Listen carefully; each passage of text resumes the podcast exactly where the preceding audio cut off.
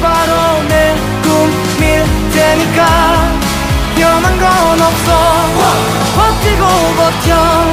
내 꿈은 더 담담해질 테니. 다시 시작해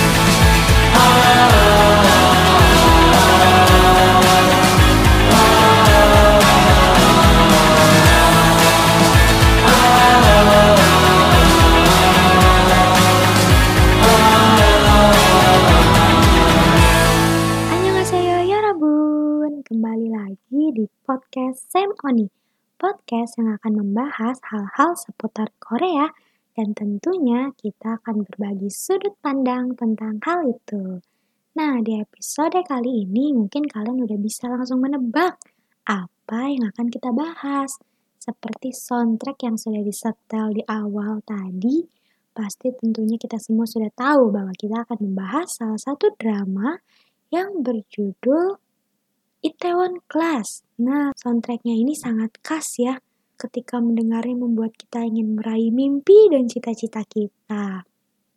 Nah, drama Itaewon Class sendiri tentunya uh, berkisah tentang Pak Seroy yang berusaha berjuang untuk mencapai mimpinya dan membalas dendam kepada perusahaan Jangga yang karenanya menghancurkan hidupnya Pak Seroy yang membuat dia uh, dikeluarkan dari sekolah, bahkan menjadi mantan narapidana. Ayahnya pun harus meninggal karena tabrak lari, tapi kasusnya ditutup-tutupi seperti itu karena pelakunya adalah uh, anak dari pewaris jangga seperti itu.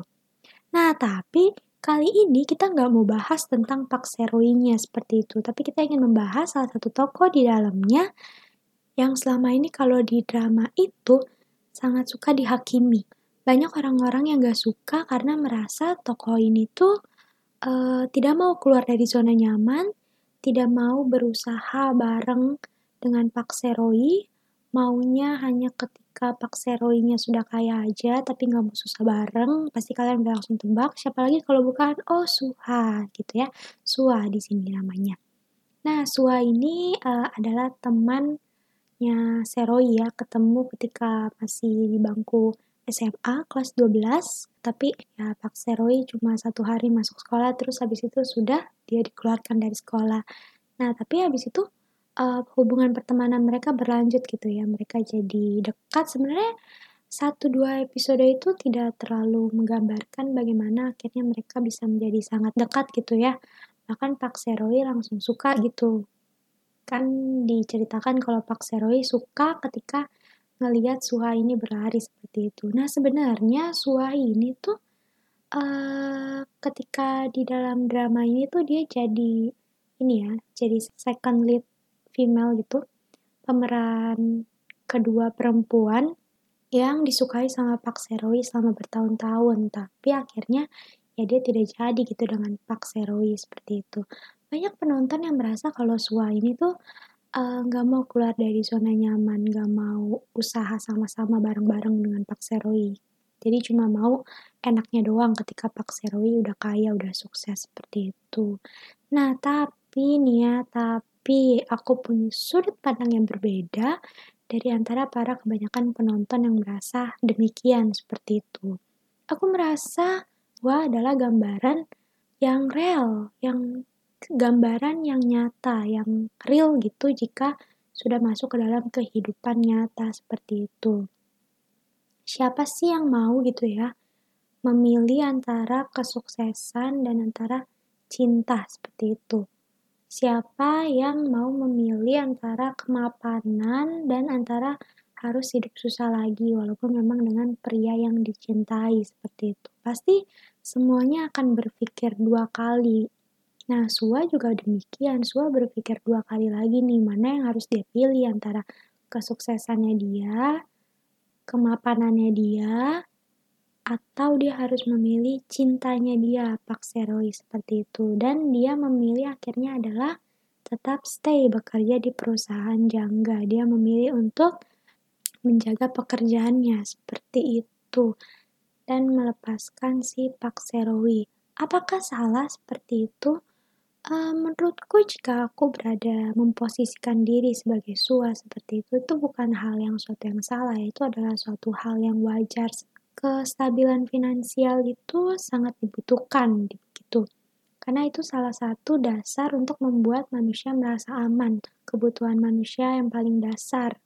Dengan uang dia bisa mempunyai rumah, makanan, tempat berteduh, pakaian, dan itu ada kebutuhan-kebutuhan dasar yang memang harus dipenuhi dan suha sebenarnya cuma hanya memenuhi kebutuhan dasar dia. Lalu ada yang bilang nggak mau keluar dari zona nyaman. Um, kalau di drama yang udah tahu endingnya akan bahagia, oke okay lah. Kalau akhirnya dia nggak mau keluar dari zona nyaman, nantinya akan mendapat cibiran makian dan hal-hal seperti itu. Tapi jika itu adalah dunia nyata, tentunya keluar dari zona nyaman tidak semudah itu, tidak semudah dikatakan yang diucapkan oleh mulut. Tapi jika di dunia nyata, tentunya hal itu tidak semudah yang diucapkan keluar dari zona nyaman itu nggak mudah. Keluar dari area yang sudah kita kuasai, eh, lingkungan yang sudah kita kuasai, kita mampu di situ, terus harus keluar ke lingkungan baru di mana kita nggak tahu apa-apa, di mana meraba-raba lagi, dimulai dari nol lagi, itu bukan suatu hal yang mudah seperti apalagi terlebih lagi latar belakang Sua yang sebelumnya dia tinggal di panti asuhan, panti asuhannya yang bahkan sempat dicabut sponsorshipnya. Sua sudah merasakan susahnya hidup, kerasnya hidup, dan betapa beratnya hidup ketika tidak ada uang seperti itu, ketika tidak mapan seperti itu. Jadi ketika dia sudah dewasa, tentunya itu yang akhirnya dikejar dia. Yang akhirnya dia ingin capai. Lagi pula, ketika Sua tetap ada di perusahaan Jangga, dia tidak benar-benar uh, melupakan Pak Seroi atau Ajushi yang adalah ayahnya Pak Seroi. Enggak, dia nih bahkan dia mengungkapkan kasus korupsi yang sudah dia kumpulkan selama 10 tahun. Karena itu adalah janji dia kepada si Ajushi uh, manajer Park gitu ya yang akan dia bilang aku akan balas tiga kali lipat gitu loh. Aku akan ganti uangnya tiga kali lipat tapi karena Ajushinya sudah tidak ada akhirnya dia menggantikan dengan suatu hal lain yang lebih berharga gitu bahkan dia sampai uh, memberikan, mengeluarkan kasus-kasus korupsi yang langsung menjatuhkan perusahaan jangga itu sendiri. Jadi, menurutku ketika semua orang banyak mencibir Sua yang uh, tidak mau menemani Pak Seroi dari nol, itu sebenarnya bukan bukan sepenuhnya salah Sua kayak gitu. Sua hanya menjalani kehidupannya, Sua hanya berusaha untuk bertahan hidup. Benar kata Pak Seroi ya di awal-awal episode, katakan, ya jangan merasa terluka kalau aku terluka. Karena kamu cuma berusaha untuk bertahan hidup, cuma berusaha untuk hidup menjadi lebih baik. Tidak ada salahnya, bukan? Siapa yang tidak ingin hidupnya menjadi lebih baik? Siapa yang tidak ingin hidupnya mencapai satu tingkat kesuksesan yang lebih dari sebelumnya? Dan itu yang dilakukan Sua. Jadi, ketika begitu banyak orang yang mengatakan hal demikian, ya oke okay lah ini drama kayak gitu ya. Tapi ketika aku menonton sebuah drama, aku berusaha untuk bisa menarik pesan-pesannya dan dari drama ini yang selain pesan dari si tokoh utama Pak Seroi, tokoh Sua ini sebenarnya memberikan banyak pesan, banyak pesan tersirat yang menunjukkan betapa kejamnya dunia itu sebenarnya gitu loh. Antara memilih ya tadi zona nyaman atau cinta itu hal yang sangat sering terjadi di dunia ini di kehidupan kita sehari-hari. Dan mana yang kamu pilih ketika mungkin kalian para pendengar di sini diperhadapkan pada situasi itu itu pilihan di tangan kalian seperti itu. Tapi kalau aku yang ada di posisi itu tentunya aku akan memilih tadi. Aku akan memilih seperti yang Sua lakukan. Aku akan memilih pekerjaanku, kesuksesanku, kemapananku, dan aku akan mencoba meningkatkan kualitas hidupku menjadi lebih baik. Jodoh, jodoh pasti akan mengikuti ketika aku sudah lebih baik, lebih sukses, pasti gak akan ke mana lah. Jodoh pasti di tangan Tuhan, jodoh. Ya memang ada usahanya, tapi uh, untuk memperbaiki diri, untuk menambah kualitas diri itu juga salah satu yang nantinya bisa menjadi uh, daya tarik untuk menarik jodohnya itu sendiri. Iya itu dia sih untuk episode pertama kali ini membahas uh, drama Itaewon Class tapi dari sisi si Osuanya sendiri.